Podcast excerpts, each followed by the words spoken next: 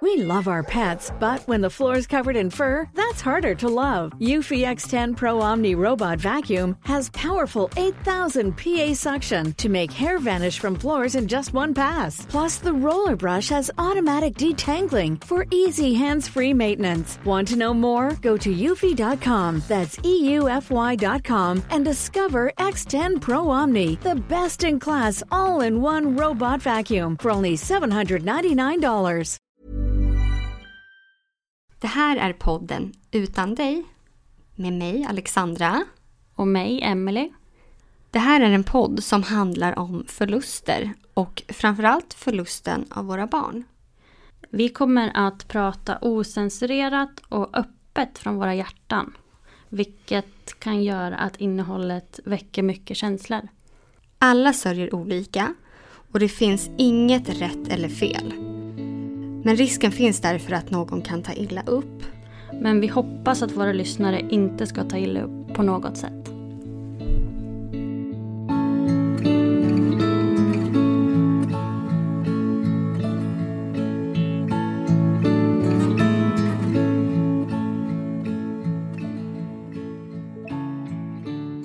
Idag har vi Jenny här som är mamma till Stella.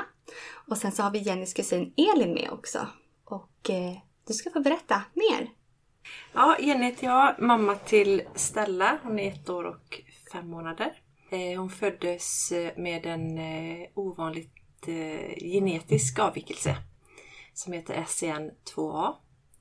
Som är 300-400 fall i världen som är registrerade. Kan säkert finnas fler men så har man ju inte gjort de här gentesterna så långt tillbaka så att så. Men, eh, och det medför att hon är väldigt muskelsvag. Eh, svåra kramper dagligen oftast. Svårt med sväljreflex och syn och, och sådana grejer. Hur märkte ni att hon hade den här avvikelsen? Nej men det började med att en läkare kollade på henne dagen efter att hon eh, föddes. Eh, och såg att hon hade lite speciella ryck för sig. Så då fick vi åka ambulans ner till Halmstad. Hon är född i Varberg.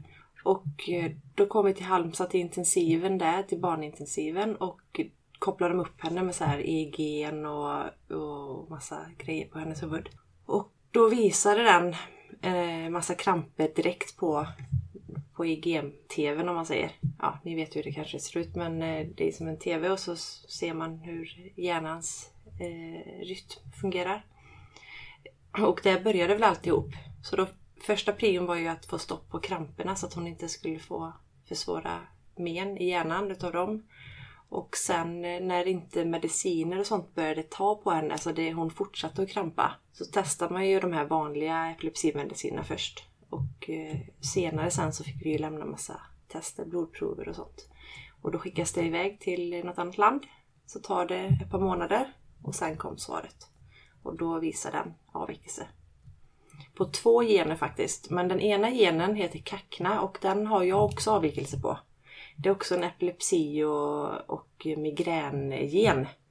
Men i och med att jag är frisk så sa de att vi jobbar inte vidare på den delen för jag har aldrig haft någonting utav det. Men den andra genen, så det är den som är grunden för hennes grundsjukdom då. Är det här ärftligt? Det kan vara ärftligt, men varken jag eller min man bär på den genen. Utan det är en sån ny mutation som har blivit när hon blev till. Sen inne i genen finns det ju som ett träd och på den grenen som Stella har fel på, där är det inget annat fall i världen som är samma som henne. Så även om vi har den här gruppen där alla de här barnen och lite äldre barnen har gemensamt fel på genen så är det ingen som har det Stella har ändå.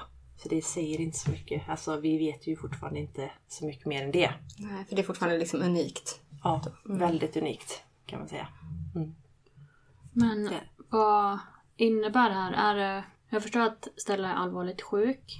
Men är det liksom dödligt? Eller vet ni ingenting? Har, vad har läkarna liksom sagt till er? Så. Alltså läkarna är ju också så här, de, de kan ju inte så mycket om den här genetiska avvikelsen. De kan ju inte säga någonting. Men samtidigt så är det ju det som är farligt för Stella som med andra muskelsvaga barn. Det är ju liksom det här med slem och lunginflammationer, förkylningar. Sådana grejer som är, det är tufft för henne. Så att hon har haft två lunginflammationer hittills och det, det är ju kanske inte jättemycket fast det är ändå mycket för ett litet barn. Men hon har klarat sig hyfsat bra från den ändå. Men då, är det, då blir vi inlagda och sen har vi, får man ju jobba med henne hela tiden. Så att läkarna säger inte, de kan inte säga om hon blir två år, fem år, 20 år. Det går inte att säga någonting om framtiden. Tyvärr. Och det fick ni reda på ett par månader efter att hon hade fötts? Mm. Så då bodde vi i Halmstad. Eh, min man, min man bodde i Halmstad och jag pendlade fram och tillbaks väldigt mycket till våra andra barn. För Stella har två stora systrar som är lite äldre. De var 11 och 8 när hon kom. Och de, det blev ju så panik, alltså allting blev så chockartat. Och de är väldigt eh, mammiga. Så att då kände jag att då är jag med dem på nätterna och så är jag med Stella på dagarna då. Och sen gick min, eh, ja, min syster var hemma från Australien så då hade hon de stora töserna på dagarna. Mina föräldrar. Och så fick jag vara med Stella. För de hade sommarlov då också Mm. under allt det här. Mm, Mm. Under den här kaosen. Och vi hade planerat sommaren, hur vi skulle ha den sommaren. Så blev det inte så. Det, och sen kände jag, alltså så här, i början kände jag att ja, men det var lite som att man hade burit eh, Stella då i nio månader och, och väntat och längtat och så. Och sen så kommer Stella så var det precis som att jag var en surrogatmamma. Att jag hade fött henne och sen lämnat henne till sjukvården. För att hon låg ju ändå uppkopplad med alla slangar och det var inte så lätt att lyfta henne. Vi fick ju sonda henne med maten. Så att jag kände mig väl mer att nej, men jag, jag, jag måste åka ner till henne. Men samtidigt så ville jag inte vara där. Det var väldigt dubbelt. Så att då blir det att jag fick pendla. Men det var väl skönt också att få en paus från sjukhuset. Ja, det var väldigt skönt. Jätteskönt. Men jag var så... Det var så mycket känslor. Det, det är det ju som nyförlöst. Och så tredje barnet och så då hade vi väntat några år att skaffa henne. Så förväntningen var ju jättestor även på för de stora tjejerna. Så när det blir så här så var det var ju ingen som var beredd. Det är man ju aldrig, men vi var verkligen inte beredda på att någonting skulle vara fel. Så därför kände jag mig, ja, men jag var, jag var verkligen besviken och kände att ja, men då provar vi en gång till istället. Så lämnar vi henne där och så åker jag hem och så får vi försöka glömma detta. För jag visste inte hur man skulle hantera de känslorna som blev. Utan det var mer bara att det här vill jag inte vara med på. För det kan jag inte hantera. Nej. Och så försökte jag fly. Så flydde jag hem till de stora tjejerna och fick ny energi. Samtidigt var man ju livrädd vad som hände i Halmstad för att där var det ju verkligen så här. Kommer hon överleva idag eller kommer kramperna ta hen- hennes liv liksom? För att vi fick inte kontroll på dem. Man var ju verkligen så himla splittrad under den här perioden. Man vill inte vara där men samtidigt är man ju så himla rädd om de här små liven liksom. Mm. Man vill inte missa någonting om man visste att det kommer kanske ta slut ganska fort. Men så var jag så rädd att fästa mig vid henne också för jag visste inte så här. Jag tänkte så här att ja, men om jag inte träffar henne så mycket eller är med henne så mycket nu och så kanske det inte blir lika jobbigt om hon, om hon väljer att gå vidare. Så, så gick mina tankar hela tiden. Men då var det så här, men då gick jag och pratade med henne och så sa han det att men vad har du att förlora på att, på att älska henne liksom så. Ja men det var ju min egna rädsla. Så, men då pratade vi mycket om det. Att, ja, men, våga älska henne och ge henne det som hon faktiskt eh, ska få och behöver. Så tar man det andra sen. Men då har du gjort allt som du kan göra som mamma. Så då började jag tänka om lite och började vara lite mer i Halmstad, lite längre tid eller lite längre timmar. Och även sova över några gånger och lite sådana grejer. Och sen så successivt så börjar man ju känna att man hittar ett band mellan oss. Men det är ju svårt när man inte får vara själv med sitt barn. Man får ha henne en stund och sen så får man lämna ifrån henne igen. Så att det fick växa fram. Hur länge var ni där på sjukhuset? Vi bodde där i sju veckor. Eh, Och sen kom vi hem några dagar och sen blev hon dålig igen. Fick hon anfall igen. Då åkte vi tillbaka så bodde vi kanske två veckor. Och sen har det blivit eh, glesare mellan varje besök för man har ju fått mer kontroll hemma med akutmediciner och, och kunna ta hand om henne mer själv. Men i början så ville jag inte att hon skulle komma hem. Alltså så länge hon var sjuk. För jag tänkte bara det här kan inte vi... Vi kan inte lösa detta hemma. Utan personalen får ju ta hand om henne. Och så får vi sitta med henne det vi får. Men jag var jätterädd att jag skulle ta hem henne. Tyckte det var så långt till Halmstad. Det tar 45 minuter. Men jag tänkte bara det här, jag kan inte vara detta på mitt ansvar. är det så här livet skulle bli? Att jag skulle vårda henne liksom och kolla henne hela tiden. Och eh, en sån här attraktionsmätare fick vi med oss hem. Och då visste jag att när hon krampade så föll den, eh, hennes eh, syre. Så då larmade den ju. Och det här larmet alltså blev så här, blev maniskt på det larmet. Så jag bara kände så här, den här kan vi inte fortsätta ha för att då är det ingen idé att vi har henne hemma. När hon blev lite större, kanske runt två månader, två och en halv, då kände jag så här, men nu testar vi utan larmet lite. Att vi provar leva utan den skyddsdosan runt oss hela tiden. För vi kan ändå inte göra någonting mer än att hålla koll på henne och att hon inte tappar i färg och sådana grejer. Hur gjorde ni på nätterna då? Ja, men i början då så då hade vi den här saturationsmätaren. Och då larmar den ju när hon tappade. För till slut blir man så trött också. Man måste ju få sova. Antingen så var det jag eller min man som oftast var vaken i början. Varje natt för att se så att hon inte krampa och hålla koll på henne. Och sen alla medicintider och sånt också. Så fick man ju om någon hade varit vaken hela natten och kollat ställa så när medicinerna var dags för sex då gick den andra och la sig och så fick man turas om så. Fick ni några andra hjälpmedel? Inte till en början. För då var hon så liten än så då hade man ju sina grejer som hon låg i. Alltså det var så babynest och vanlig vagn och, och allting sånt. Så då behövde vi ingenting. Men sen ju äldre hon har blivit så har ju hjälpmedlen börjat trilla in från habiliteringen. Så nu har vi ju mycket saker. Inga, inga, jo, vi har en, en ny stol till henne. Men annars är det inga, så här, det är inga sängar och sådana grejer än, utan det har hon ju vanligt. Men ju äldre hon blir och tyngre hon blir så klart att vi kommer behöva ha mer hjälpmedel. Men sond, sondmatar ni henne fortfarande? Hon hade ju en sond första... Hon fick ju en pegg på magen nu i höstas. Eh, så då har vi sondat henne hela tiden men hon har ätit periodvis själv. Men vi har också märkt att hon, hon har ju lite svag eh, sväljförmåga eller lite muskelsvag även där. Så att hon har satt mycket i halsen och blir ju lätt slemmigare. Så att när hon fick sin PEG så har vi gett mycket mat via den och då har också slemmet och allting blivit lättare för henne att hantera. Så hon sätter ju inte i halsen så när hon får, när hon får det i magen så att då får hon ingenting i munnen. Men, eh, men nu innan jag åkte hit idag så åt hon ett mål på flaskan. Men det kanske går några dagar emellan. Det beror på lite hur hungrig hon är. Då får hon på flaskan. Skönt. Har ni sluppit det här med matpump och sådana saker? Ja, det har vi inte fått än. Nej. Eh, för det om matpumpen förstår jag, den, den, finns ju som ett eh, hjälpmedel om man ska ha det lite saktare att maten går in. Tror jag.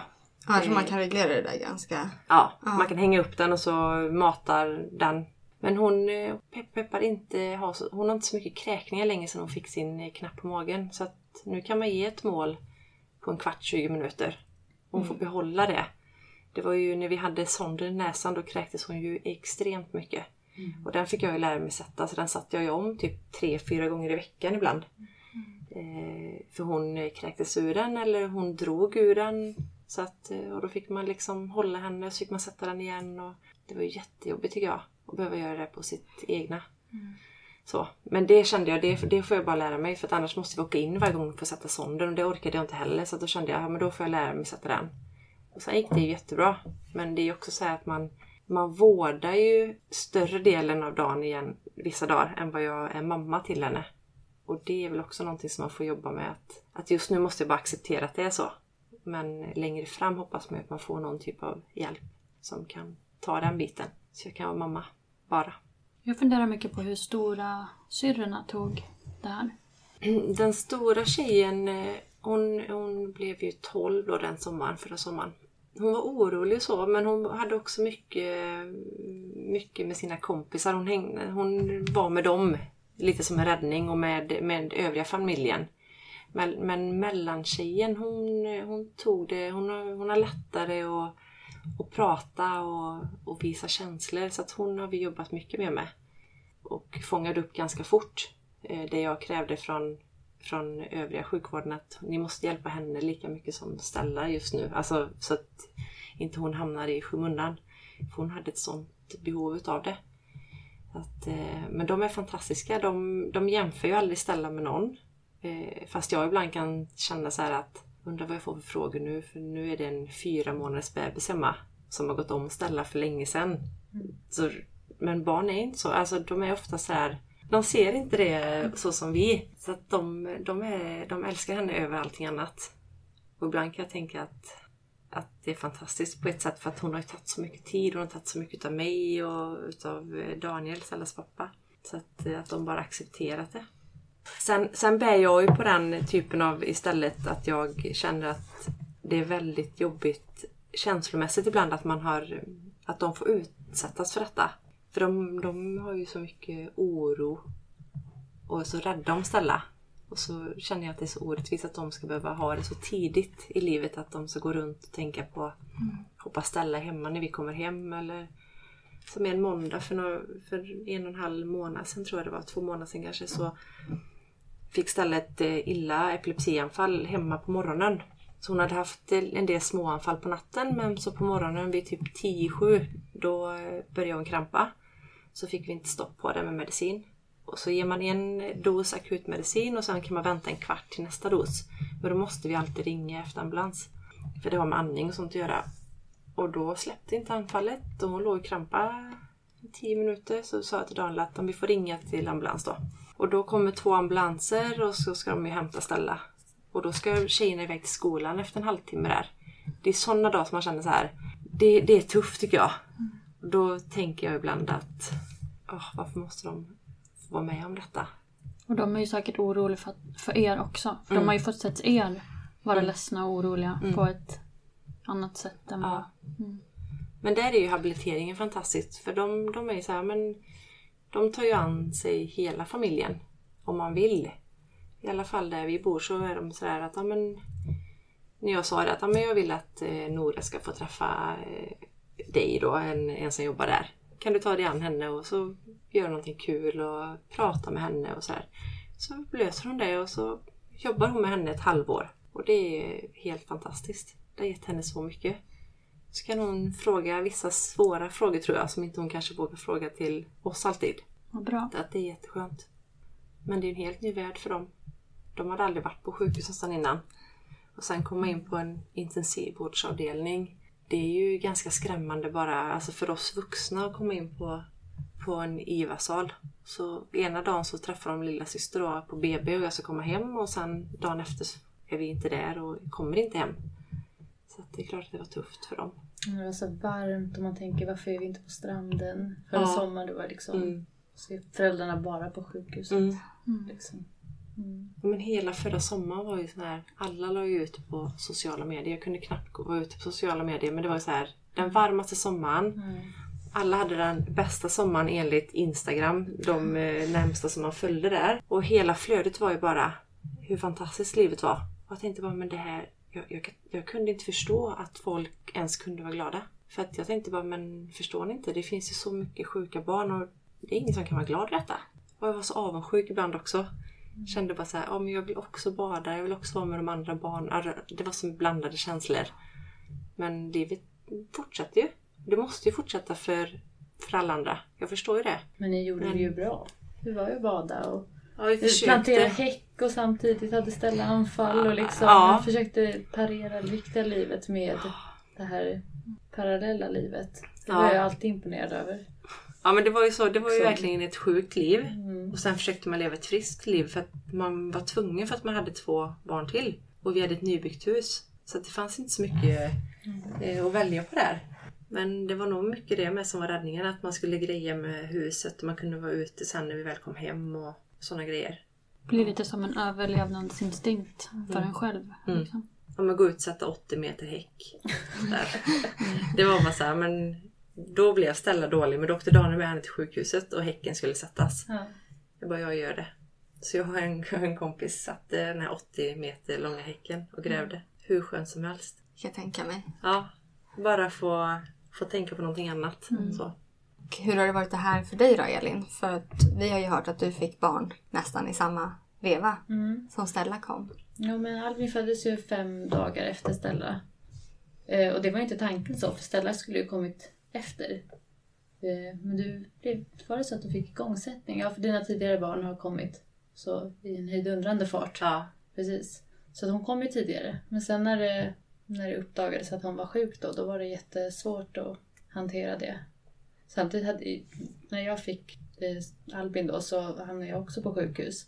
Men det var inte heller något man hann liksom... Vi tänkte lite på Stella och på Jenny och Daniel och alla. Livet bara fortsätter.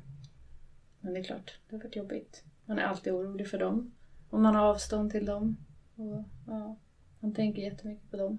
Jag har gråtit mycket hemma. Har du också fått en annan slags typ rädsla över att något kan hända dina barn? Ja, absolut. Det har man ju. Liksom, man kan ju tänka på det på kvällen. Bara, det får ju aldrig hända något sina barn. Blir man ju sådär. Samtidigt som Jenny gör det så bra. Hon är liksom den bästa mamman för Stella. Det ju, finns en anledning till att Jenny är Stellas mamma. Det är imponerande. Men ibland har man inte så mycket... Det är många som säger jag förstår inte hur ni orkar och sådär. Men man har ju inget val. Det är så här, I början kände jag så här, men då lämnar vi tillbaka henne och så åker jag hem. Eller vi åker hem och så testar vi igen. Det blir säkert bättre. Men sen när, när man får ett, ett nytt tänk och man börjar tänka normalt igen så är man så här, okej nu är det som det är. Och det är inget liv som jag hade valt om jag fick, alltså att hon ska vara så sjuk. Men hon har också gett så mycket. Mm. Och det, det tror jag många upplever som, som får sjuka barn. Att under den korta perioden så har de, har de lärt så många så mycket.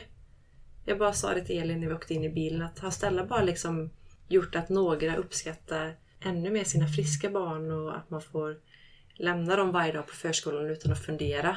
Och man kan åka och jobba utan att känna att hoppas att dagen går bra eller så. Så har ju Stella bidragit redan med mycket i, i den, de banorna. Så jag försöker oftast att, att vända det till någonting annat än bara det svarta. För jag kan också i vissa dagar känna att men, jag struntar i att gå upp idag eller jag känner inte för att göra någonting. Men så går det typ en kvart så bara, men det här var ju tråkigt. Jag kan inte bara ligga hela dagen. Jag kan inte bara sörja. Så, utan jag måste göra någonting. Och då tar man tag i dagen. Men, eh, Men blir det som vissa stunder där man känner att man liksom inte hoppar av tåget men att man glömmer bort eller hamnar liksom hamnar utanför det och så Jo, men det, det gör man. Och ibland så kan jag känna som att vi är med i en sån här svensk film. Alltså att vi är med i en sån dålig komedi typ. Över alltihop. Att jag bara säger men nu vill jag stänga av den här filmen eller nu vill jag hoppa av det här tåget. För att jag vill inte vara med på den här resan mer. Så känner jag ju ibland. Det finns ju den här fina dikten som ni säkert också har läst. Man ska till Italien men så hamnar man i Holland. Och, och den är ju jättefin att läsa. Men det krävs ju också ganska mycket bakom psyket att man ska orka åka till Holland och vara kvar i Holland och tycka att Holland är fint. För det är fint i Holland. Men man skulle ju till Italien för det är ju mycket lättare. Men så har man inget val. Så man bara slita på och göra det bästa för Stella. Men hur mår Stella just nu då? Hennes dagsform är, den är relativt bra. Hon har inte sådana här jättestora anfall varje dag.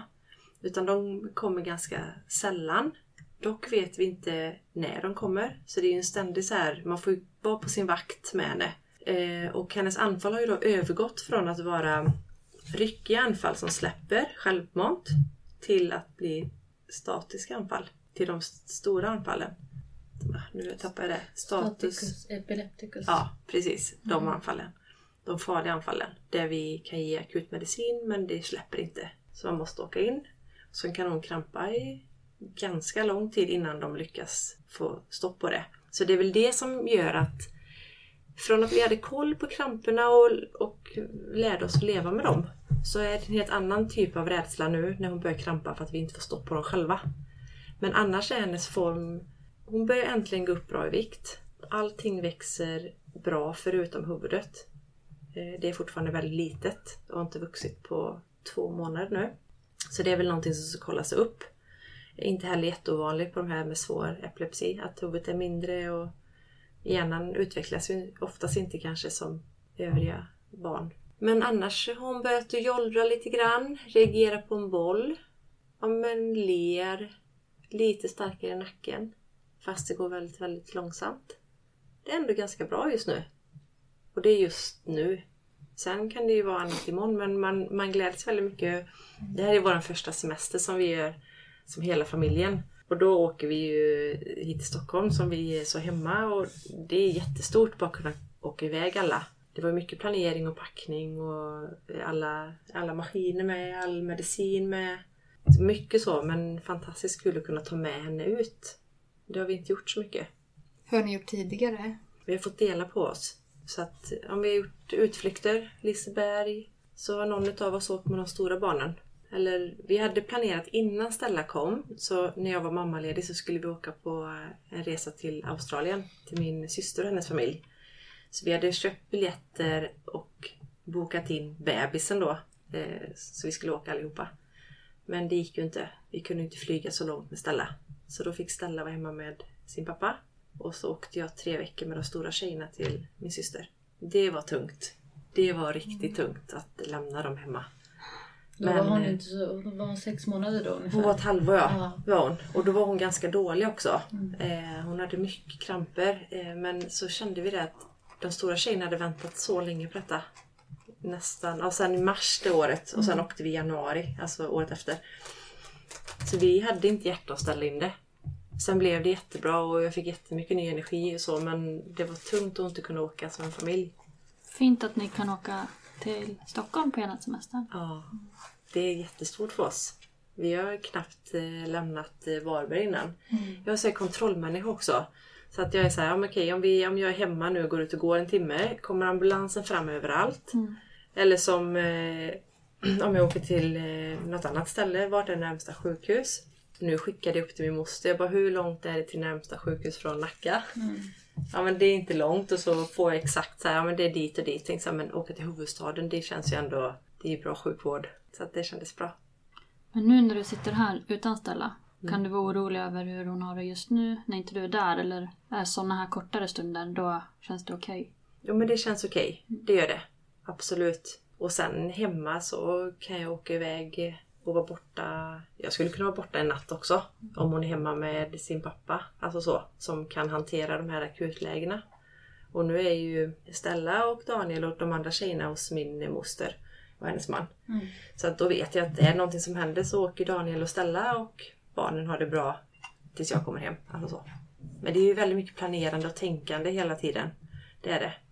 Det är ju befogad oro också. Även fast du åker bara till Stockholm. Men det, är inte så att hon är bara ett barn med epilepsi. Utan hon har ju andra som Mm. inte...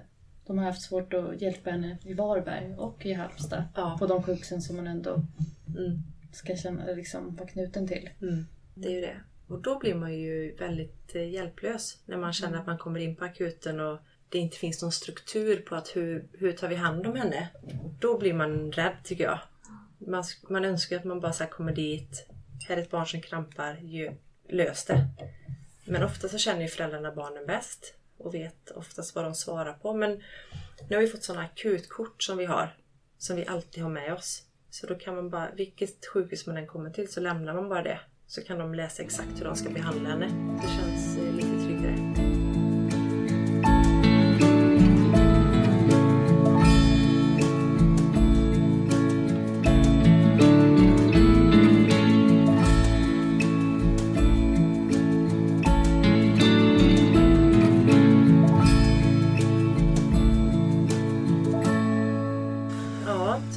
ställa lite hur hon mår idag.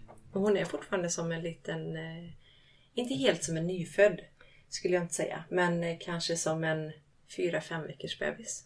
Någonting sånt skulle jag nog kunna säga. Sen vet vi inte hur mycket hon ser. Hon har en svag synnerv som gör att vi inte vet hur mycket hjärnan tolkar av synintrycken som hon får. Så nu ska vi ner till Lund och lägga sig in där i två dagar. Och då ska de göra en stor synundersökning på henne. Där man kan se mer exakt om hon ser eller inte ser. Så vi har aldrig fått någon, vi har aldrig fått någon ögonkontakt med henne att hon följer leksaker eller så. Utan hon är duktigare på ljud och det blir ju oftast ett tecken. Har du sämre syn så blir du duktig på hörseln och tvärtom. Så att eh, vi vet inte. Och det, den är jag nervös för. Den är jag jätte, jättenervös för. För synen för mig är ett sånt himla viktigt sinne att ha. Så att, eh, men nu har jag bearbetat detta under många månader i och med att vi aldrig har fått någon så här beställa. Så att någonstans känner jag ju på mig att hon ser ju inte som vi gör. Men eh, det är himla tungt. Det är en jättesorg om hon inte ser någonting. Jag vill se att hon ska se sina syskon och se oss och se världen alltså, på rätt sätt. Men då får man ta det då. Mm. Men Det pratade du mycket om också när hon var så liten. Där Ja. att du aldrig fick det här leendet eller skrattet. Den här kontakten tillbaka. Mm. Det var tungt. Ja, det var tungt. För det, det är ju också någonting som gör att man får de här banden tillsammans med sitt barn. Att man får någon typ av respons. Det är det första som man letar efter när man får ett barn. Att om man får det här leendet eller... Hela den här amningsprocessen man sitter och ammar och tittar Ja. liksom. Man har ögonkontakt som Ja. man förespråkar som väl liksom. Mm. Och så klipps de delarna bort. Ja. Och det har ju aldrig funnits med Stella. Mm. Så nu när man har en liten så här boll som låter som en så här kattleksak nästan. Och hon har börjat le när man eh, grejar med den lite så här. Det är första grejen som hon visar att hon verkar känna igen eller förstå så. Då blir man ju så himla lycklig. Det är sådana små, små grejer hela tiden som man får glädjas av. Är det någonting annat som ni tycker det verkar som att Stella gillar? Nej, det är svårt. Det är jätte, jättesvårt. Jag försöker så här leta saker hela tiden eller så här hitta någonting som hon kanske... Hon, tycker det, hon tycker oftast det är väldigt skönt att ligga själv. Det har vi märkt. Om hon är missnöjd och inte kommer till ro, lägger man ner henne så blir hon oftast lugnare. Ehm, sen tycker hon om att, att sitta mer upp och att man är nära henne, att man pratar väldigt, väldigt nära och kommer nära med ansiktet. Men inga, hon har aldrig liksom fastnat för några så här leksaker eller något, något material eller... Och varje gång vi ska testa bassängen på habiliteringen så har ju hon åkt på någon öroninflammation, lunginflammation. Så vi har, inte, vi har inte testat vatten än.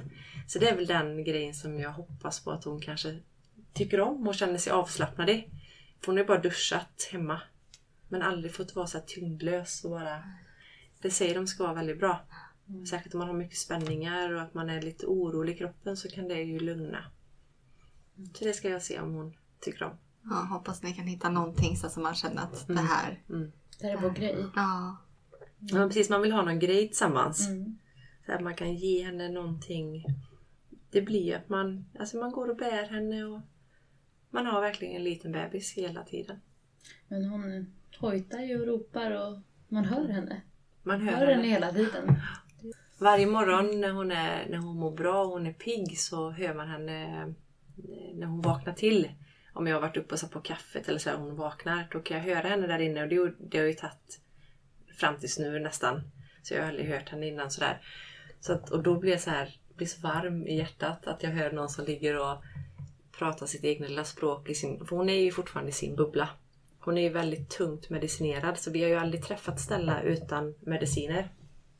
Så att det är klart att de mediciner som hon äter påverkar ju alla sinnen i kroppen. Och särskilt eh, att det är muskelavslappnande. Så att hon blir ju ännu svagare. Och hon kan ju bli lite dimmig, alltså lite hög på mediciner. Så att ofta sover hon ju många timmar varje, varje dag också. Men hon var inte vaken knappt någonting de första sju månaderna. Då sov hon igenom hela sju månaderstiden. Så hon fick inte in något ljus för att träna ögon, ingenting sånt. Hon sov. Så jag har nog bara sett hennes ögon någon gång första månaden. Det var ju såhär när hon tittade så skulle du vara där då. Så fort och stimulera. Ja, Nu ska hon bli stimulerad här. ja. Lamp med blinkerstjärnorna och... Liksom. Det, ja, det la jag ner sen. Ja. Jag tänkte gud, alltså det, det finns inte en chans. Om hon nu väl slår upp sina stora blå ögon en kort stund så tänker jag bara titta på dem. Mm. Jag orkar inte vara det hela tiden med en grej att försöka fokusera att hon ska titta på. Nej. Jag ville bara se hennes ögon. Mm. Det var ju det. Var det någon som hade sagt att det var bra om ni skulle träna på sånt eller? Ja, det var det. På syncentralen och så. Det var ju så här mycket. Så här, I och med att hon hade blundat så länge så hade inte hennes ögon fått något naturligt ljus. Vilket gör att synnerven blir starkare och synen rent utvecklas. Så att det var jätteviktigt att hela tiden stimulera eh, starka färger. Och hela mitt hus går i dova färger. Jag hade inga starka färger. Dova. Beige, grått och Ja, jag, jag hade inga starka färger.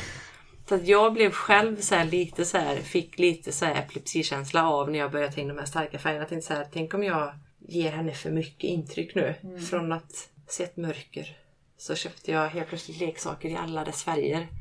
Så att, eh, men alla, eller de barnen som kommer hem nu tycker det är superkul. För de har aldrig haft någonting att leka med hos mig så innan.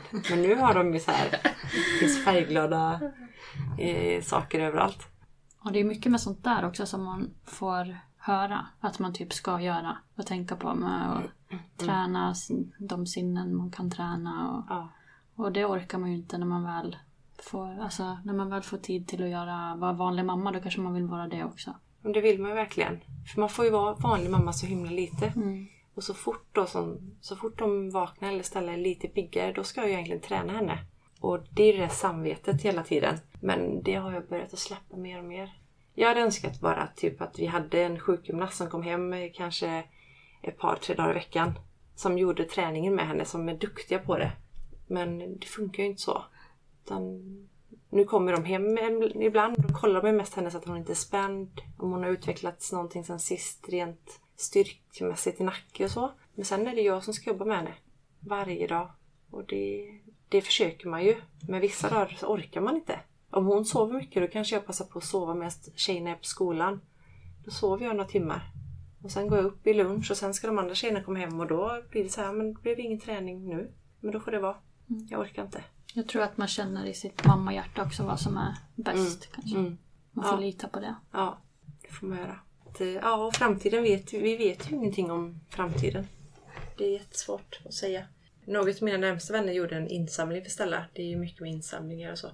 Skulle vi åka, skulle vi åka till England och göra den här tryckkammarbehandlingen. För att se om det kunde hjälpa henne. Eh, Så allting var bokat klart, boende, hela behandlingen för den här, för det är en månad. Men så blev hon jättedålig. Så vi fick blåsa av allt det. Det var bara ett par veckor innan vi skulle åka. Eh, Så då blev hon inlagd på IVA igen. Med ganska tuffa kramper. Så att då fick vi ju ställa in alltihop. Och nu har vi inte vågat flyga med henne än. För att hon har inte varit så stabil sen, det, sen då i våras. Så att vi har kunnat ta henne så långt. Men England är ju kvar så att vi kanske gör det till våren. Men annars så, så har vi inget sådär som vi... Vad innebar den behandlingen? Man andas in 100% syre under x antal behandlingar. Så ska det läka skadade celler. Och eh, en del eh, som har varit där, eller vi har pratat med några föräldrar som har varit nere med sina barn, har varit eh, jättenöjda. Tycker att de har blivit både starkare och, och mjukare i kroppen. Mindre anfall. Bättre cirkulation. Ja.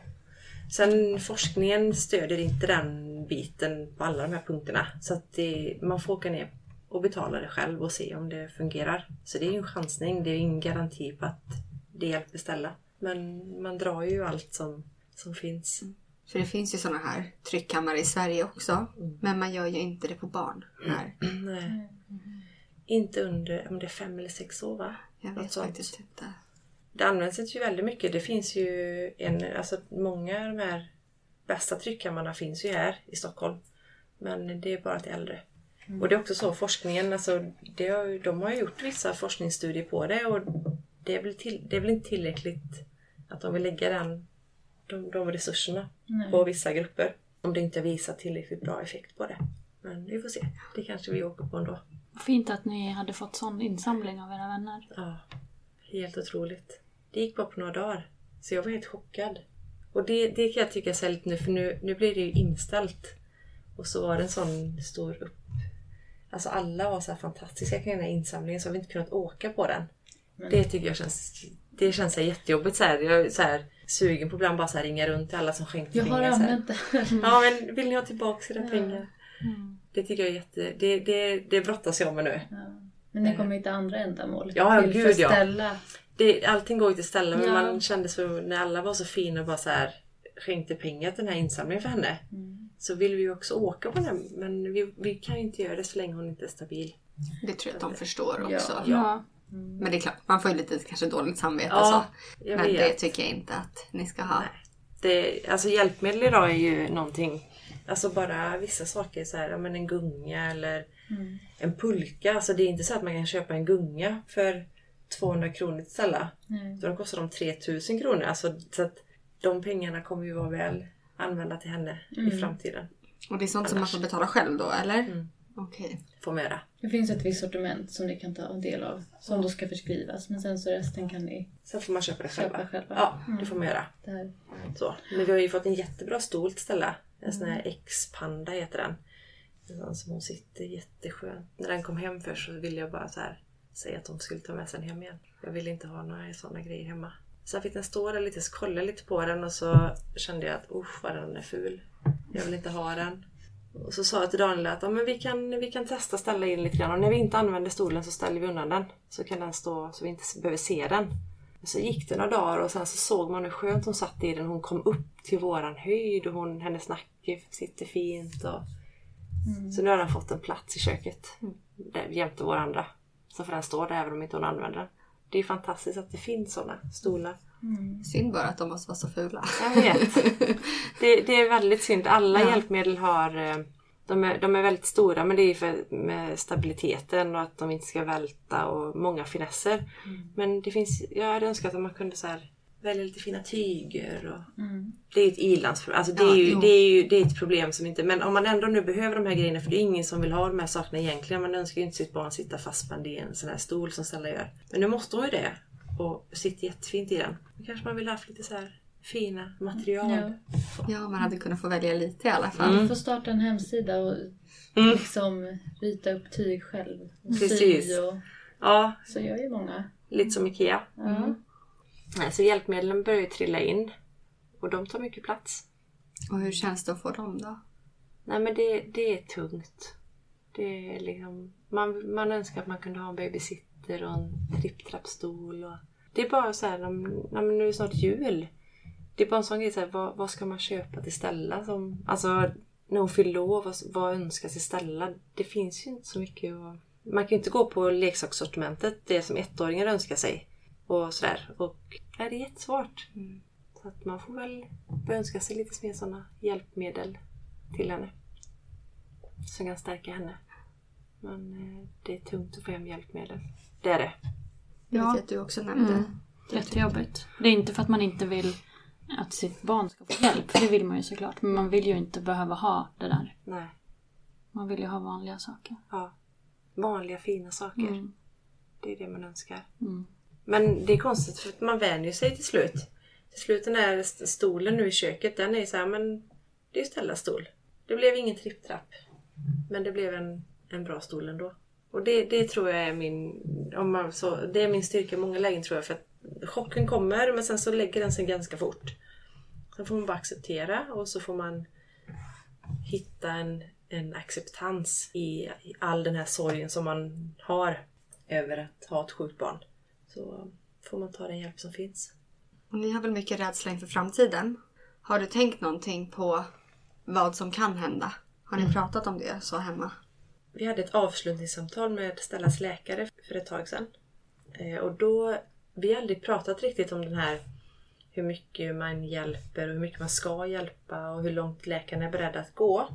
Och så kände jag att innan han slutade så um, ville jag ändå ta det med han för att vi känner han så pass bra. Så då frågade jag faktiskt att hur har ni resonerat kring vården kring Stella om vi kommer in i de här akutlägena som vi kommer in i? Och då sa han det att ja men vad bra att du tar upp det. Jag hade tänkt ta upp det och vi har diskuterat lite kring det.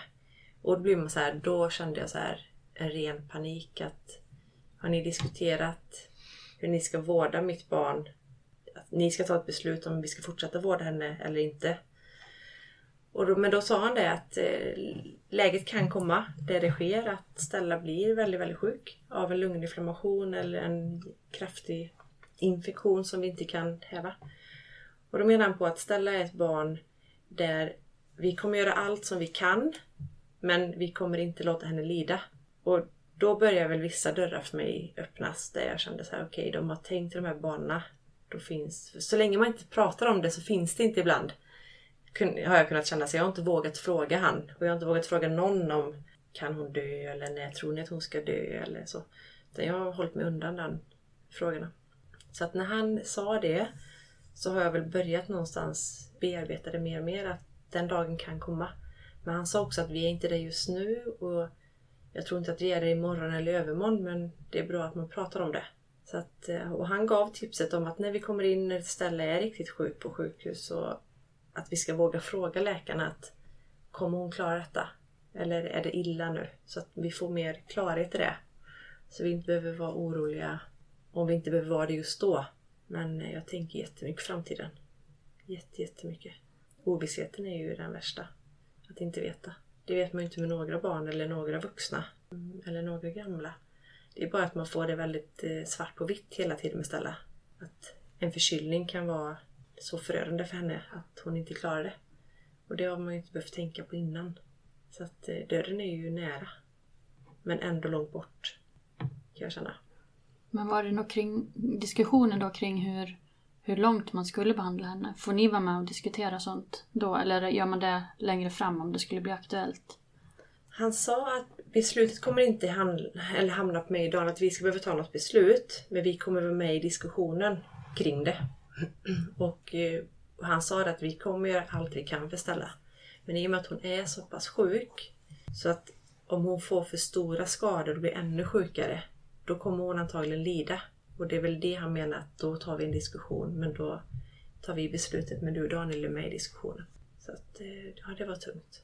Men hur känns, känns det skönt att sjukhuset tar en sån, ett sånt beslut eller hade ni velat tagit ett sånt beslut? Nej men jag känner att ingen tar något beslut förutom jag eller Daniel. Eller jag vi tillsammans. Men jag, jag kände mig lite så här. Jag var faktiskt tvungen att ringa upp han sen för det här fick läggas några dagar så fick jag ringa upp Stellas läkare och säga det att jag vill bara förtydliga vissa grejer. Att vi anser att Stella har ett väldigt fint liv. Ett väldigt bra liv efter hennes förutsättningar. Hon verkar inte ha ont och hon, hon verkar inte lida. Hon vet ingenting annat. Och, och verkar må väldigt bra alltså, så länge hon var fri från kramperna. Så jag tycker att ni ska göra allt ni kan för Stella. Eller jag kräver att ni ska göra allt ni kan.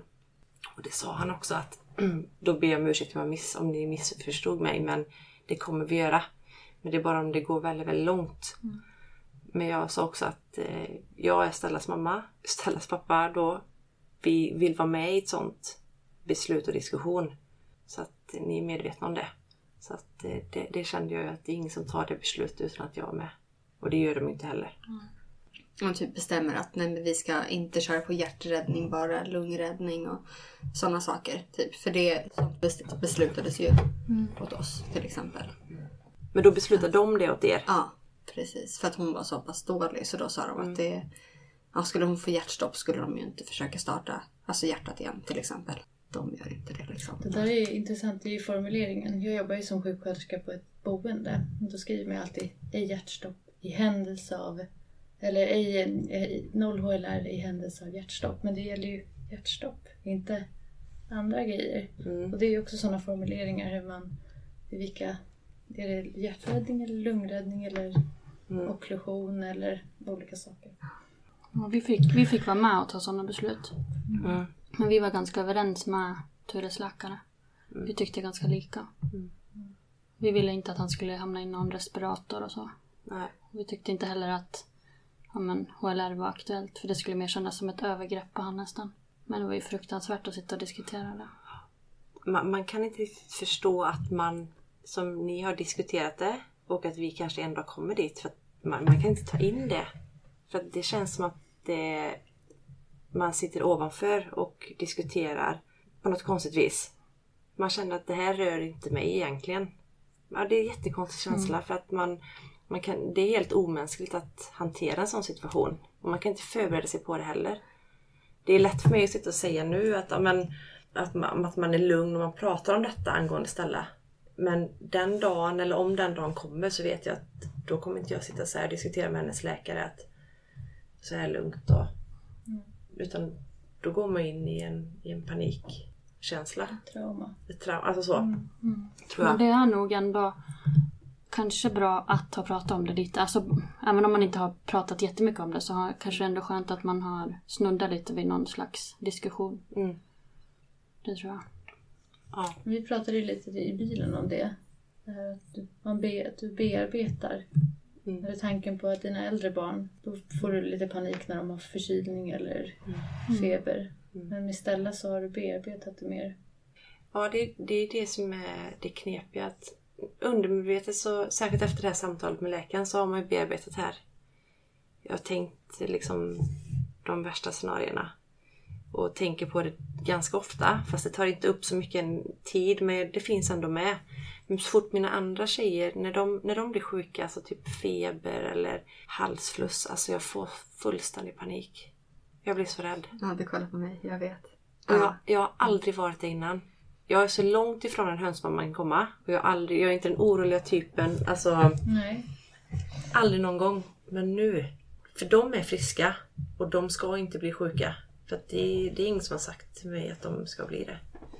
Men med Stella, hon har varit sjuk från början så att man, man är så van vid att hon är så sjuk nu. Men de andra får inte bli det.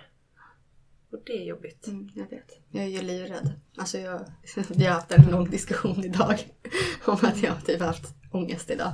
Ja, För att Nikolas ska bli sjuk. Mm. Alltså allvarligt sjuk. Jag kan ju ta typ en feber men jag tror ju hela tiden att han har typ cancer. Mm. Alltså typ hela tiden. Mm. Så jag är ju livrädd. Så nu har jag bokat in. Vi ska till vårdcentralen. Hur gammal är. Nikola idag? Han är tre. Han är tre år. Ja. Så att, Men letar du då grejer som du så här... ja men det kanske jag gör Tecken. lite. Ja, Ja. det gör jag nog. Mm. lite sådär. Jag tycker så här, ah, han är lite hängig och han är lite blek och han har inte så mycket aptit. Och... Så bara jag är orolig liksom för mig själv och typ går och gnäller då hos Sam. Så idag sa han väl, ja men boka in en tid istället om du är så orolig hela tiden. Det är väl bättre att kolla upp då. Så sa jag, okej, men jag gör väl det då. Så kanske man kan få lite lugn i själen. Ja, jag tror att det är naturligt. Jag tror att det är fullt naturligt att man reagerar så. Om man har förlorat ett barn eller om man har ett väldigt, väldigt sjukt barn så tror jag att det friska måste få vara friskt för att man vet inte hur man ska hantera ytterligare någonting sjukt. Det blir för, det blir för mycket. Man blir för orolig liksom att det ska hända någon någonting. Men hur hanterar ni om stora syskonen blir sjuka och förkylda? Och... För det måste ju också vara jättejobbigt. Och innebära någon oro att Stella ska bli jättedålig då. Ja. Och de har ju dragit hem grejer. Det är ju helt naturligt från, från skolan. Eh, och Stella åker ju på saker hela tiden. Sen börjar hon nog bli lite mer eh, starkare mot eh, Tyra och Noras eh, basiller. Eller de är så nära henne hela tiden. Så det känns som att hon är lite starkare. Men det kanske också är för att hon börjar bli lite större och har lite bättre motståndskraft. Men eh, vi har ju sagt att när folk är förkylda eller om man har feber så, så kan vi inte träffas. Absolut inte. Men jag är mest rädd för magsjuka och sådana grejer. How would you like to look five years younger? In a clinical study, people that had volume added with Juvederm Voluma XC in the cheeks perceived themselves as looking five years younger at six months after treatment. Look younger, feel like you. Add volume for lift and contour in the cheeks with Juvederm Voluma XC. Reverse signs of aging by adding volume to smooth laugh lines with Juvederm Volure XC. For important safety information and to find a licensed specialist, visit juvederm.com. That's J U V E D E R M.com. Not for people with severe allergic reactions, allergies to lidocaine, or the proteins used in Juvederm. Common side effects include injection site redness, swelling, pain, tenderness, firmness, lumps, bumps, bruising, discoloration, or itching. There's a risk of unintentional injection into a blood vessel, which can cause vision abnormalities, blindness, stroke, temporary scabs, or scarring. Talk to a licensed specialist to find out if it's right for you. Så att eh, om inte hon får behålla sina mediciner. Så att, eh, det, är, det är min största rädsla. Och det går inte heller så här. Nu tar inte jag med Stella till mataffärerna och jag undviker vissa platser med henne. Men eh, vissa grejer kommer vi inte kunna undvika. Men nu har vi fått en sån portakatt här. Så att eh, vi kan använda den vid akutlägen. Eh, vi måste bli inlagda. Men om hon skulle få en magsjuka till exempel så kan vi ge medicin i den. Så att det är en trygghet i sig att ha den där nu. Det är en grej som sitter uppe vid axeln nästan. Ja, Och då får man in medicinen i blodet. Ja. Okej. Mm. Hon var så svårstucken så att varje gång så fick de ta upp narkos och skulle sticka henne. De stack och det tog jättelång tid. Samtidigt som hon ligger och krampar och måste ha medicin i blodet så det är ganska stressat. Så när vi opererade Peggen på magen då sa, frågade jag om inte vi kunde sätta en sån port på henne då. Så det är en liten dosa under huden. Där två blodkärl möts. Precis. Så där kan du alltid stoppa ner en nål. Och du kan även ta blod vid prover och du kan ge medicin. IV. Ja, intravenöst. Mm. Så det är en jättetrygghet och den har vi redan använt typ fem gånger. Mm. Vid akutlägen. Så det är skönt. Men i vanliga fall får hon medicin i magen via knappen. Ja, det får hon. Så det funkar bra. Och nu är det ju snart influensatider. Mm. Kommer hon få vaccin då? Ja. Mm. Och RS-vaccin. Mm. Från november till mars får hon en spruta i månaden för RS. Och sen får hon säsongsinfluensan nu i november någon gång. För jag hoppas på att hon klarar det. För att hennes infektioner, hon har haft trigga kramper. Eh, inte feber så mycket. Men som nu när hon har haft öroninflammation och hon är nedsatt. Då har vi märkt att då kommer kramperna lättare igenom. Inte jätteovanligt men eh, det har blivit mer tydligt på henne nu. Hur ser eh, kramperna ut? Rör hon liksom på sig? Skakar hon eller? Ja, hon drar ihop hela, hela sin kropp. Eh, drar hon ihop. Eh, och så skakar hela kroppen. Eh, och så huvudet lite åt sidan. Så skakar hon. Eh, oftast så behåller hon färgen. Men eh, ibland så blir hon lite blåare. Då har hon dålig andning. Men då kan de hålla på en kvart, 20 minuter innan ambulansen kommer och då ger de henne maxdoser av allting. Och då brukar hon lugna sig lite grann men hon är fortfarande ryckig. Så kan hon hålla på några timmar innan de har fått i henne medicinen på IVA. Men kommer ambulansen alltid när hon får kramper? Nej. Det, nej. Nej. Det är när hon blir blå? Nej, det är Nej. när vi måste ge två doser akutmedicin. Okej. Mm. Då kommer ambulansen. Som nu sist så hade hon lite kramper och då gav vi en, en dos med Bucolam. Och så väntade vi ganska länge och kände att ja, men det känns som att hon börjar lugna sig. För ger vi då dos nummer två då måste vi ringa och då får vi åka med. Och vi var inte sådär... Vi kände oss lugnare nu också med kramperna. Även om de är otäcka så känner vi oss ändå så här. Och då avvaktade vi. Och då behövde vi inte ge dos två. Och då ringer vi ju inte. Så.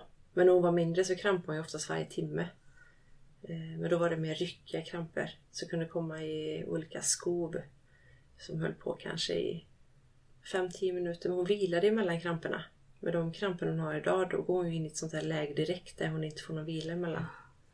Du har nämnt att hon skrattar ibland också lite. Mm. gör något ljud.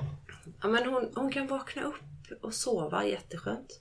Sen bara så vaknar hon upp och så öppnar hon ögonen och så typ börjar hon så här le lite så här mystiskt. Så var jag så här, ja det här känns lite mycket epileptisk aktivitet. Men så fångade vi ett sånt på EEG häromdagen. Och det visade ingenting på EEG. Det var ett sånt stort EEG hon gjorde. Eh, så att eh, de säger att det inte är kramper.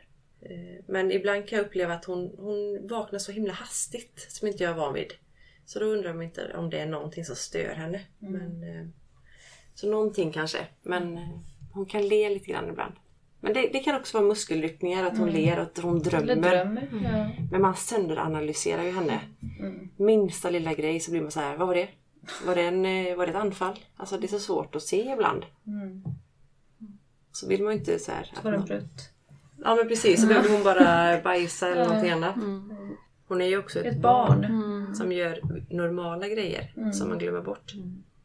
För då blir det nästan onormalt för henne. Alltså, Ja, så. precis. Man tror det i alla fall. Ja, och när man kommer in och de ser hennes journal och det känns som att de bara så här, åh, typ så att jag jobbar idag. Ja. Så här kan man känna. Mm. Du tycker lite synd om den personen? Ja men jag kan, nästan, jag kan nästan känna så här. Oh, tänk om det var jag som stod där. Fast då, då hade jag ju varit utbildad i det. Ja precis. Men eh, det är klart, när Stella kommer in så är det ju inte för att kolla oftast, det är inte att kolla öronen och skickas hem med fem dagars Covenpenin. Utan det är oftast akutlägen. Vi åker inte in med henne i onödan om man säger så. Det gör vi inte. Annars kunde det kanske vara tvärtom att minsta grej så åker vi in med Stella. Men det är mer typ så här, men vi åker inte in i det här för en förkylning eller... Nej, det gör man inte. Man åker in när det är större grejer med henne. Men ni är ju så pass härdade. Ja, man blir det. Liksom. I början ville jag aldrig åka hem. Och nu vill jag aldrig åka in. Mm. För nu vill jag sköta det hemma. Det är ett gott betyg. Ja, man har väl kommit in i det där på något vis. När vände det då ungefär? Det vände nog i våras. Ja, innan sommaren där någon gång började jag känna mig mer. Det var väl innan hon blev året. Jag tyckte att hon var så liten och skör innan. Och de här kramperna tyckte jag var obehagliga. Eh, anfallen. Men eh, från i våras, det sista typ halvåret, så känner jag för mig mycket lugnare. Och jag är ju alltid hemma själv hela dagarna med henne. Mm, Min man jobbar ju sedan lång tid tillbaks så att jag, jag sköter ju henne själv. Och är inte orolig att ha henne själv. Så att det, det är väldigt skönt. Men så var det inte i början. Då vill jag inte vara ensam eller vet jag, du med Alexandra. Alltså jag kände så väl igen med det att inte bara, alltså ska de lägga över hela ansvaret på mig? Om hon dör nu så är det mitt fel. Alltså hur, vad ska jag göra? Jag hade så här panik över det. Så då varje gång det var någonting så, här, så bara sa jag till Daniel, jag bara, men vi får åka in. Du får åka in med henne. Till slut blev han ju extremt trött på det. Han bara, om det är någonting nu så får du åka in med henne i så fall. För jag tycker inte att det verkar vara någon fara. Så att det blev en sån här grej till slut. Jag kände att ja, han har rätt. Alltså, vi kan inte åka in och låta sjukvården hela tiden ta hand om henne. Utan anser de att vi kan vara hemma så litar jag på att de tycker att hon är så pass stabil att vi kan vara hemma. För annars hade vi inte fått komma hem. Så att då försökte jag hela tiden. Men det tog tid. Brukar eh, ni vara iväg någonting med Stella? En vanlig vardag då är det alltid eh, mediciner vid nio. Alla mediciner. Eh, sen brukar hon ju då bli ganska trött efter dem. Så då brukar hon sova ett par timmar när medicinerna slår in. Sen har vi, vi har provtagning varje vecka. En, en eller två dagar i veckan, oftast en dag i veckan. Då tar vi dem innan medicinerna. Då åker vi till sjukhuset och tar prover för koncentrationerna. Ser så att inte medicinerna ligger för högt eller för lågt i blodet. Och sen åker vi då hem och så är det mediciner. Och sen sover hon. Och sen eh, är det lite träning när hon vaknar. Hostmaskin jobbar vi med. Vidga lungorna för att hon ska få bättre djupandning. Eh, en pilatesboll jobbar vi också med. Eh, så då gör vi dem innan maten. Sen kommer de stora tjejerna hem. Och sen kan det vara något besök på habiliteringen. Eh, träffa sjukgymnaster eller åka till Halmstad och träffa hennes neuroläkare ibland. Och innan varje måltid så är det då hostmaskin och boll. För att inte få för mycket slem och, och att hon ska liksom orka hosta ordentligt. Och det gör vi även i förebyggande, även när hon inte är förkyld. Så det är varje dag. Då har hon ändå en ganska fin att hon kan hosta själv. Men inte tillräckligt i många lägen. Utan då måste hon öva ibland. Så att, eh, och sen är det alltså mat och, och mys och lite lek med henne i den mån som är lek för henne. Så. Det, men det är alltid provtagning och habilitering. Läkare, sjuksköterskor, kontakt med hemsjukvården som ska börja köra igång nu. Eh, Det är mycket sådana grejer hela tiden. Hålla koll så medicinerna inte tar slut. Har vi några mer recept? Behöver jag ringa om någonting? Det är så mycket sånt. Du drar inte iväg på något fik och sätter dig med något annat gäng mammor liksom? Nej, jag har aldrig gjort det. Nej. Jag har inte det. Jag har inte varit på någon öppna förskola. Jag går faktiskt, jag har börjat på en mammagrupp på habiliteringen. Som har, det, de här mammorna som är med har barn mellan 0 och 2 år som är sjuka i olika sjukdomar. Eh, och har olika funktionsvariationer. Och det är det bästa jag har gått med i sen Stella kom. Jag har verkligen saknat det. Andra mammor som, som går igenom liknande. Även om man, om man inte hittar någon som har exakt som Stella så tror jag ändå att sorgen och, och rädslan och glädjen över smågrejer. Alltså man delar så mycket annat ändå. Fast det inte är exakt samma diagnos. Så det, det har jag börjat. Och det är så fantastiskt. Är det bara mammorna då eller är det barnen också med? Bara mammorna. Mm. Bara mammorna. Kanske längre fram att barnen är med. Eh, Men just nu så är ju barnen, det är ju ganska, ja men, en del väldigt sjuka och en del som har det lite enklare i sin sjukdom. Men de är på förskolan och, och sådana grejer. Och, så att det är bara mammorna. Så vi kan sitta i lugn och ro. Och då har vi även två kuratorer som är med på samtalet. Så det är en diskussion man kör och ett tema varje gång. Som man kan diskutera kring. Hur man upplever och känner olika saker. Och, Det låter jättebra. Det måste bli så blandat. Ja. Liksom. Men jag kan inte gå till, jag kan inte sitta på en vanlig föräldragrupp och höra typ om Stina som har 39 graders feber för tredje dagen. Alltså det funkar inte. Det, jag klarar inte av det. Och sitta på fik och sånt, det, det är klart det skulle jag kunna göra. Men det är bara att jag hellre är hemma och, och återhämtar mig. Men eh, jag har börjat gå ut och gå ibland. Med en kompis. Eh, ta någon promenad. Inte Ja. heller jätteofta men skönt. Det var väl ganska nyligen. Jag såg att du la upp någonting om det Ja. på Instagram. Att det var liksom första barnvagnspromenaden. Så. Ja, Ja, härligt. Jag har planerat den här och så um, fick ju stället anfall på morgonen. Och då var jag så här, "Ha, vad gör jag nu liksom? Ja, Jag vägrade ställa in den här för det var så fint väder. Och eh, det är en av mina bästa vänner och hon har också en liten pojke. Vi skulle ut och promenera och, och sådär. Jag hade verkligen sett fram emot detta. Så jag bara kände så här, "Nej, men fuck epilepsin. Alltså jag skiter i alltihop nu. Ambulansen kommer fram hela den här vägen vi ska gå. Jag har med akutmedicinen. Hon kan lika få ett anfall i vagnen som att jag sitter och stirrar på henne här hemma. Så jag bara, nej, jag kör ändå. Och det var en så här befriande känsla. Så efter det har jag känt att mycket släppte där. Att man vågar ge sig ut. Så ibland tror jag folk tror kanske att jag är mer rädd att ge mig ut. Men det handlar inte om rädsla så mycket utan det är mer min trötthet. att Jag tycker det är skönt att vara hemma. Och bara få, få vara. Få gå i min, mina myskläder och bara sitta med Stella i famnen. Ja men och där vet du vart akutmedicinerna ligger och man har ju byggt sin trygga miljö. Ja. Man lever i sin sån bubbla. Och den är väldigt skön att få vara i. Eh, Och bara att ta sig upp till Stockholm nu på den här minisemestern är ju alltså det är ett enormt steg. Knappt varit utanför Varberg med henne. Men varje, varje grej man gör så blir man lite tryggare och, och lite säkrare. Men sen är det så här, men ska folk titta när hon får anfall och så kommer ambulansen när vi... Man målar upp här scenarier tycker jag. Om det händer någonting. För jag vet ju själv om en ambulans kör in på torget i Varberg så är man så här, titta vad det. där? Och alla nyfikna blickar och sånt. Det kan jag ha lite svårt för. Nej, då vill jag att ambulansen kommer hem till oss och det är bara vi som är hemma. Så sköter vi det utan Snyggt. att någon undrar. Så går vi vidare med den dagen. Har ni fått eh, frågor om typ vad det är som är fel med Stella eller sådana frågor? Om ni har varit ute på någon barnvagnstur eller något sånt?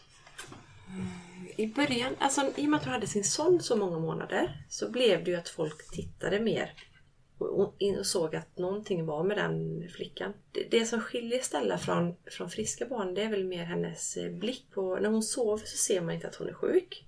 Eller jag ser inte att hon är sjuk i alla fall. Men när hon tittar så får du inte den här eh, vanliga ögonkontakten och så med henne. Hon har ju, blicken är lite överallt och hon är i sin lilla värld. Så då kan man ju ändå se på Stella att hon är lite annorlunda. Annars så tror jag inte att hon har ett jättespeciellt utseende. Utan oftast tycker jag, eller jag tycker att hon ser ut som ett, ett, friskt barn. Så det Mm, inte... när hon låg i vagnen, hon är ju lång och god och liksom. Alltså man, nej, hon ser ju som Albin liksom så här kroppsligt så här. Sen Ja. är det just det här med blicken. Det är blicken Ja. som man kan se att den... Men när hon sover nu, när hon inte har sonden heller, då ser man ju inte. Man ser Nej. inte Peggen och man ser inte Nej, Porta katt eller något. nej. Det är väl mer sen kanske hon, om hon behöver ha hjälpmedel som rullstol och så när folk kommer hem till oss nu och ser den här nya stolen.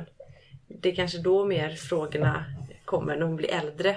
För när de är så små som de eller hon är ju fortfarande liten då kan man ju hon kan ju smälta in I de vanliga flesta- vagnen. I vanliga vagnen och sånt. Så det kommer säkert längre fram. Men alla tjejernas kompisar som är hemma, särskilt den stora tjejen som har, eh, som har en nära vän som brukar vara hemma mycket och träffa Stella.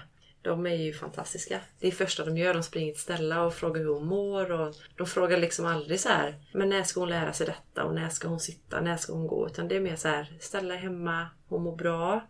Och vilken fin stol hon har fått.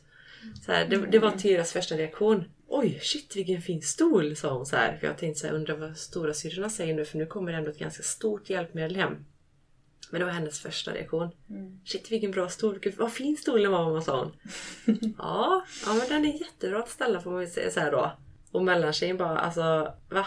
Har ju fått hem en rullstol. Jag bara nej det är ingen rullstol. Hon bara det är en stol och den rullar. Det är en rullstol. Jag bara ja det, det kan man säga så här. Vad tycker du? Ja men det var bra så. Roligt också om Stella kanske kan sitta med vid bordet och lite så. Men vi kör ju så här discodans och sånt och då sätter vi Stella i stolen, sätter fast henne, sätter på hög musik och sen så snurrar vi och så har vi gått sprungit runt och... Men hela din familj är ju sån. Ja, På vi- midsommar så sprang Hanna runt med henne runt midsommarstången. Jag Ja. var allihopa bara gud, håll i, nacken. Hon ska vara med. Hon ska dansa små grodorna. Ja, Stella ska Liksom. vara med. Ja, det är befriande. Det är väldigt skönt Ja. att man tar henne för den hon är. Att hon får vara med. Mm. Och då blir vissa hjälpmedel nödvändiga. Som jag har tänkt på så här ibland att många är ofta så här med hur man ska bemöta eller om, vad kan man göra och såna här grejer för folk som lever eh, i utsatser som man gör.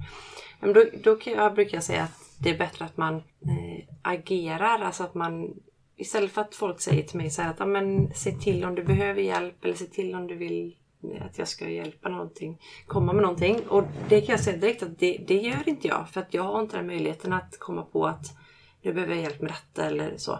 Utan det är väl att folk istället ska men, agera. Liksom. Att idag gör jag detta.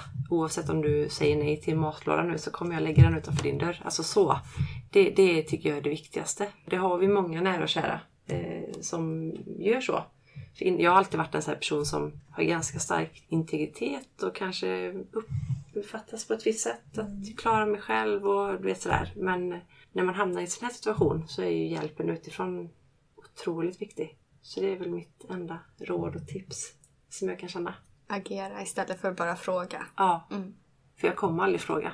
För i de lägena som man verkligen behöver hjälpen, det är oftast i akutlägen. Alltså så när man verkligen, verkligen, men även i vardagen när man är trött och man är så här, fråga inte, alltså säg inte att jag ska göra av mig för att jag kommer inte kunna det. Jag har inte den möjligheten och orken.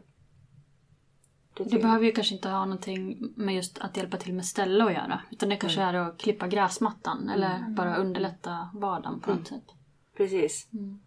Men du har sagt det till mig också. Jag kanske lägger på, eller jag, jag kanske inte svarar de här gångerna. Jag sagt så här, men jag kommer ringa ändå. Ja. Det spelar liksom ingen roll. Nej. Det, det är det finaste tycker jag som, ja, som Elin då.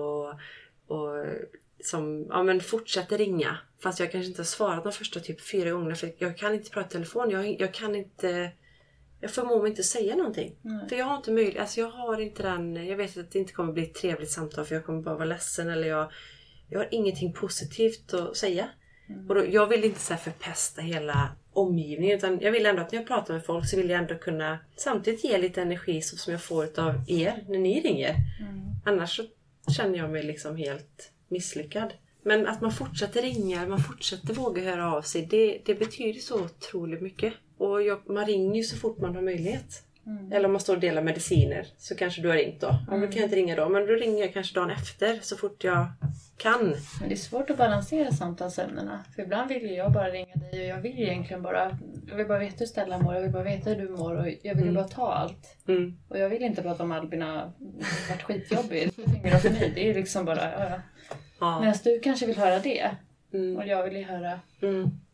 Jo, men det blir så himla mycket fokus. Ibland känner man så här dåligt samvete för det blir så mycket fokus på mig och på Stella och på mm. våran familj. Och det kan man vara så här ibland bara... Gud vad vi pratar mycket om oss hela tiden. Men det är för att alla är så måna om mm. hur man mår. Och så vill man ju också höra era bekymmer och man vill ju veta att, att det inte bara är vi som har det tufft. Mm. För mig kan det vara skönt att bara höra så här, ja det har varit skittufft nu med en trotsig treåring. Då kan jag bara säga, men vad skönt, är det någon mer som får kämpa lite? Mm. Så här. Man är inte ensam i allt. Mm. Men det är nog svårt för folk för att alla jämför med hur vi har det. Och så tar man det i relation till sina egna problem och då blir mm. de problemen små. små. Mm. Men det är fortfarande den personens problem som kanske inte är så litet. Men i relation till oss och ställa hela tiden så blir det så. Mm. Och det har jag försökt också säga så här, men jag vill höra mera. Jag förstår om ingen ringer till mig och säger så här, alltså jag har inte sovit på två dagar och Albin är förkyld. Det förstår jag om man inte ringer sig varannan dag. Nej. Men är det saker så vill man ju veta det. Man vill ju vara en del av det friska också. Mm. Och så. Jag känner att man, man missar ju så mycket också med sina vänner om, man inte, alltså om inte de kan mm. dela med sig av saker. Alltså då är det typ så här, nej men ja, ska ni flytta? Eller mm. alltså, även positiva saker. Det känns ja. som att folk typ inte vågar dela med sig. Mm. Och det är så här, då känns det som att man liksom tappar kontakten. Mm. Så att jag tror att det är viktigt att fortsätta dela med sig även om det är positivt Vikten eller negativt. Vikten av att lyfta positiva saker kanske. Ja. Ja, att man vågar det. Mm. Det förändrar inte vår situation. Alltså det är väl bra att folk kan må bra och, mm. och ha det bra liksom. Det är också att man får känna att man är uppdaterad och inte liksom ja. att man glöms bort också. Ja. För det är ju också väldigt jobbigt. Mm. Jag tror du får tänka också lite att när folk vill ringa dig så kanske du, då vill de verkligen veta om er och om dig ja. och de är så måna om er. Liksom. Mm. Då får du liksom ja. rannsaka det. Få ur mig allt. Ja. Sen när den personen ligger på oss bara oh, får ta ett varmt bad nu. Herregud. Exakt. Mm. Ja. Det låter ju som att ni har många fina runt omkring er. Ja det har vi. Mm. Fantastiskt många fina. människor. Och det man har orkat också. Ja men prata och få vara ledsen och, och de här grejerna. Det är jätteviktigt. Och att alla älskar Stella för den hon är. Hon har väldigt många runt sig som tycker om henne. Det spelar liksom ingen roll av hennes, hennes svaga sidor. Jag vet så mycket så innan bara så här, vill ha svar på allt så här, men kan hon, kommer hon kunna sitta? Kommer hon kunna gå? Typ, kan ni inte ge mig någonting? Så här, det, det var ju mycket så, man ville veta allting. Så insåg man, okej man kommer inte få veta. Men nu, är man, nu tycker jag att man är mycket mer så här i, det spelar inte så stor roll längre. Alltså för mig är det inte så här det viktigaste att hon kommer göra vissa grejer. För mig är det viktigaste bara att hon får må bra, att hon får vara kvar, att hon, vi kan hålla henne liksom frisk och utan stora anfall och såna grejer. Så de andra bitarna är ganska oväsentliga. Men det var de inte i början. Det var det enda man tänkte. Hon måste kunna sitta, hon måste kunna gå. Kan hon springa, prata, skratta? Kan hon hålla i någon sak eller så? Eller är hon väldigt muskelsvag? Hon släpper oftast grejerna. Alltså hon kan ju hålla mig i, i fingret och hon kan känna på mitt hår och, och ta tag så här. Men sen om jag lägger en leksak i hennes hand då släpper hon den sen. Så att det hon inte, hon förstår inte hur hon kan hålla kvar den. Det är samma sak med nappen. Hon, jag får hålla nappen åt henne för hon fattar inte att hon ska suga och kvar den i munnen. Men nu har hon börjat lite grann med nappflaskan. Att hon kan sö- söka händerna upp till nappflaskan när hon får den i munnen. Och lägga dem lite mer på. Det hon aldrig kunnat innan eller förstått att hon kan få upp. Så små grejer kan hon börja och, Hittat händerna till munnen och suger på händerna. Sådana grejer. Hon rör lite på benen. Ja, Mm. det gör hon. Särskilt när hon ligger på rygg och hon kanske ligger utan blöja och sådär. Då drar hon ju upp benen och, och flaxar med dem. Och så. så hon är starkare i benen än hon var, vad hon är i armarna. Det är hon lite svagare. Hon är så varm nu också. Mm. Hon har alltid varit jättekall. För hon rörde ju inte på sig innan så. Alltså då sov hon ju bara. Så då rörde hon sig inte på sig och då var hon så här, händer och fötter var iskalla jämt. Det spelar ingen roll hur mycket vi tog på henne. Alltså det var så kallt. Men nu är hon varm. Mm. Så var fotsvett. Varm och skön. Och, ja. Det var väldigt fint att få höra om Stella. Få lära känna igen. Tack för att jag fick komma. Ja, tack så jättemycket för att ni var med.